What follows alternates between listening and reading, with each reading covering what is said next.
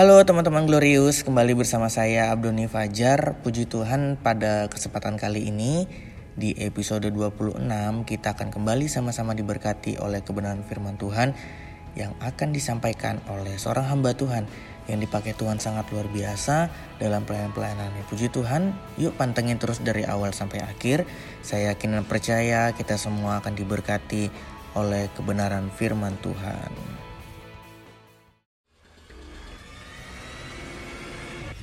Stay, 3, 2, 1, open your heart.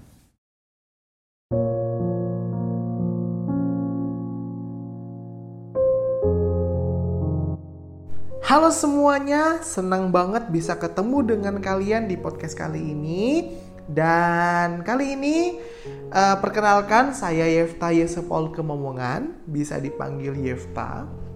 Dan saya asalnya dari Kalimantan Selatan dan sekarang sedang berpraktek di GPD Elohim Sidoarjo, Jawa Timur ya. Uh, mungkin ingin berkunjung, ingin kenal saya lebih dekat bisa hubungi aja di IG ya. IG saya di @yeftamomongan dan salam kenal untuk kita semuanya yang mendengarkan podcast pada hari ini. Terima kasih untuk Doni yang sudah mempercayakan nih kesempatan untuk kali ini saya bisa sharing tentang kebenaran firman Tuhan hari ini. Nah, hari ini yuk kita akan bahas tentang suatu hal yang menarik yang mungkin sudah jarang kita dengar tapi yuk kita hari ini akan belajar. Oke, yang pertama siapa yang nggak kenal sama namanya Titanic? Semuanya tahu kali ya Titanic ya, sampai ada filmnya gitu ya, sampai difilmkan dan kita tahu film Titanic itu berasal dari uh, kisah nyata, dari ma di mana uh, cerita tentang Titanic ini mungkin sudah uh, terkenal banget dari kita kecil, mungkin kita sudah ngerti nih tentang yang namanya Titanic. Ya, Titanic ini sekapal penumpang dan besar pada tahun 1912-an. Itu adalah kapal pesiar yang sangat besar, luar biasa dahsyatnya. Dan itu paling megah pada zamannya. Nah, tetapi kalau kita tahu nih ceritanya, dia itu tenggelam pada pelayaran pertamanya loh. Pelayanan perdana dari uh, Southampton, Inggris ingin ke New York City. Nah, dan korbannya itu tuh sampai ribuan orang dalam sekali kejadian pada saat itu. Tetapi nih, apa yang sebenarnya menyebabkan kapal Titanic ini bisa menjadi tenggelam? Ya, selain daripada yang katanya nih menabrak uh, gunung es batu yang pada saat itu uh, tidak sempat untuk mereka hindari sehingga mengalami kebocoran. Tetapi kalau saya melihatnya adalah ke belakangnya. Ya, ini uh, yang saya dapatkan bahwa pembuat atau perancang daripada kapal Titanic ini nih pernah ngomong kayak gini, sempat ngomong kayak gini. uh, kapal ini gede, kapal ini besar, saking besarnya Tuhan pun gak bisa menenggelamkannya. Wow, gile nggak tuh? Sampai dia bilang ini nggak bisa ditenggelamkan. Bahkan Tuhan sekalipun loh. Ini luar biasa banget ya. Apa yang sebenarnya dipikiran sama si pemilik ini sampai dia itu uh, bisa ngatakan dengan mudahnya dengan kata-kata seperti itu ya. Mungkin aja kalau kita mungkin kayak udah berpikir dua kali untuk nantang Tuhan dengan dengan prestasi, nantang Tuhan dengan apa yang kita bisa raih di hidup ini. Nah, nah tapi ini yang kita akan pelajari bersama-sama.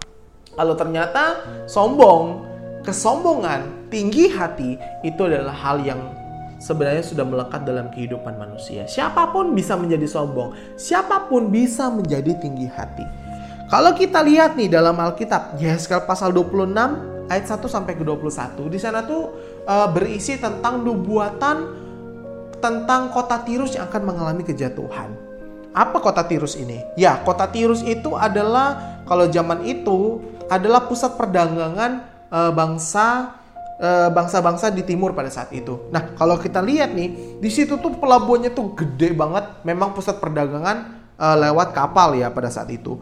Dan juga itu masyarakatnya tuh makmur, kaya-kaya orang di sekitar situ. Dan kota Tirus ini juga terkenal dengan besarnya kota Tirus ini. Tetapi toh mereka jatuh.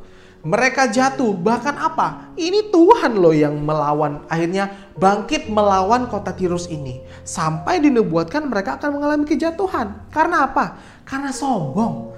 Iya, cuman karena satu hal, mereka dia sombong dengan eh, kata-kata seperti ini. Kalau dalam pasal 26 Yeskel pasal 26 ayat kedua itu dikatakan seperti ini. Hai anak manusia, ini Tuhan loh yang mengatakan sama Yeskel. Oleh karena Tirus berkata mengenai Yerusalem, syukur sudah rusak pintu gerbang bangsa-bangsa itu. Ia akan beralih kepadaku sehingga aku menjadi penuh, tetapi ia menjadi reruntuhan. Lihat kota Tirus, dia berpikir kalau karena aku ini besar, ini kota Yerusalem sudah runtuh, kalau gitu aku akan menjadi penuh, semakin penuh Yerusalem akan menjadi bagianku dan mereka akan menjadi reruntuhan saja. Wow, tetapi lihat ayat-ayat selanjutnya. Tuhan bangkit melawan Tirus dan Tirus dinubuatkan akan mengalami kehancuran, mengalami yang namanya uh, kerusakan, bahkan mengalami kegagalan. Karena apa? Karena sombong. Kalau kita melihat ternyata sombong itu sebenarnya sudah melekat dalam kehidupan kita sebagai manusia. Bahkan seorang percaya sekalipun, hello siapa yang gak bisa lepas dari yang namanya kesombongan. Gak ada, tiap orang itu bisa sombong. Bahkan saya pun bisa menjadi sombong seketika. Karena apa sebenarnya? Uh, orang yang sombong itu tuh ciri-cirinya tuh kayaknya nampak banget ya, kelihatan banget. Yang pasti itu mereka tuh suka pamer. Mereka tuh tidak hanya pamer tentang barang-barang atau benda-benda yang mereka bisa miliki yang orang lain nggak miliki. Tetapi kalau namanya sombong itu mereka juga bisa menyombongkan tentang apa? Tentang uh, apa yang mereka bisa raih di dunia ini. Apa yang mereka bisa dapatkan di dunia ini. Contoh aja tuh perancang dari kapal Titanic. Bisa mengatakan loh, saking mungkin dia berprestasi karena bisa merancang kapal yang besar dan megah pada saat itu, tapi dia juga uh, pamer dong dan dia menantang Tuhan dalam tanda kutip mereka dia katakan bahkan Tuhan sekalipun itu nggak bisa menenggelamkan nih kapal gitu. Wih, luar biasa ya. Dan kalau kita mau lihat lagi ciri-ciri orang sombong itu kayak gimana? Yang pasti itu suka ngerendahin orang lain karena karena mungkin dia berpikir dia udah punya segalanya. Dia sudah punya apa yang dia miliki nih saat ini. Orang lain gak punya. Akhirnya dia merendahkan orang lain. Itu ciri-ciri orang sombong. Apakah ada dalam kehidupan kita? Ayo cek lagi. Apakah saya ini sudah sombong nih kali ini? Apakah saya ini sekarang ini sedang sombongnya? Atau mungkin sekarang ini saya ini lagi apa namanya?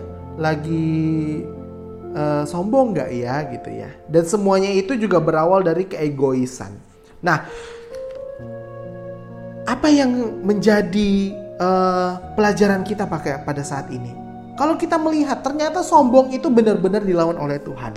Kalau dalam uh, firman Tuhan, Amsal 16 ayat yang kelima dikatakan setiap orang yang tinggi hati adalah kekejian bagi Tuhan. Sungguh ia tidak akan luput dari hukuman. Amsal 16 ayat 18 Kecongkakan mendahului kehancuran dan tinggi hati mendahului kejatuhan. Amsal 18 ayat 12, tinggi hati mendahului kehancuran, tetapi kerendahan hati mendahului kehormatan. Hello, setiap manusia itu bisa menjadi sombong. Lalu apa yang harus kita lakukan? Yuk, kita merendahkan diri satu sama yang lain. Jangan pernah kita mau sombong. Sombong itu tuh kayak cara kerja iblis Iblis menanamkan kesombongan dalam diri kita. Untuk apa? Untuk membuat kita jatuh. Hati-hati. Kalau kita mungkin sudah memiliki sesuatu hal yang lebih daripada orang lain, kita bisa menjadi sombong. Lalu apa yang harus kita lakukan selain daripada kita merendahkan diri? Ayo kita mengucap syukur. Kita mengucap syukur dalam segala hal. Apa yang kita miliki sekarang atau apa pun yang gak kita miliki, yuk kita mengucap syukur. Karena dengan mengucap syukur, kita tidak hanya menjadi orang yang tidak mudah kecewa terhadap keadaan, tetapi kita juga akan menjadi orang yang tidak sombong. Amin. Yuk, belajar mulai saat ini. Kalau kita berpikir kita itu uh, kesombongan itu tentang hal-hal jasmani, oh tidak. Ada juga yang namanya sombong rohani. Mungkin ada nih, ada satu atau dua orang yang karena saking dia rajin ibadah, rajin baca Alkitab, rajin doa, sampai dia merendahkan orang lain yang mungkin uh, tidak sedak tidak rajin ibadah gitu ya. Ih kamu nggak rajin ibadah. Ih kamu gimana aja kemarin orang ibadah kamu nggak ada. Kamu ngapain? Kamu pasti macam-macam gitu. Wow, ternyata ada yang namanya sombong rohani. Hati-hati loh. Hati-hati dengan kesombongan ini karena apa? Sombong itu tuh melekat banget dalam kehidupan kita, melekat banget dalam hati kita. Kalau kita nggak hati-hati, maka sombong bisa menguasai hidup kita. Jadi hati-hati terhadap hatimu, jaga hatimu, jangan sampai sombong menguasaimu. Karena kalau sombong menguasaimu, berarti iblis sudah menguasai hidup kita. Thank you untuk hari ini dan biarlah kiranya ini memberkati kita semuanya. Amin. Tuhan Yesus memberkati. Haleluya.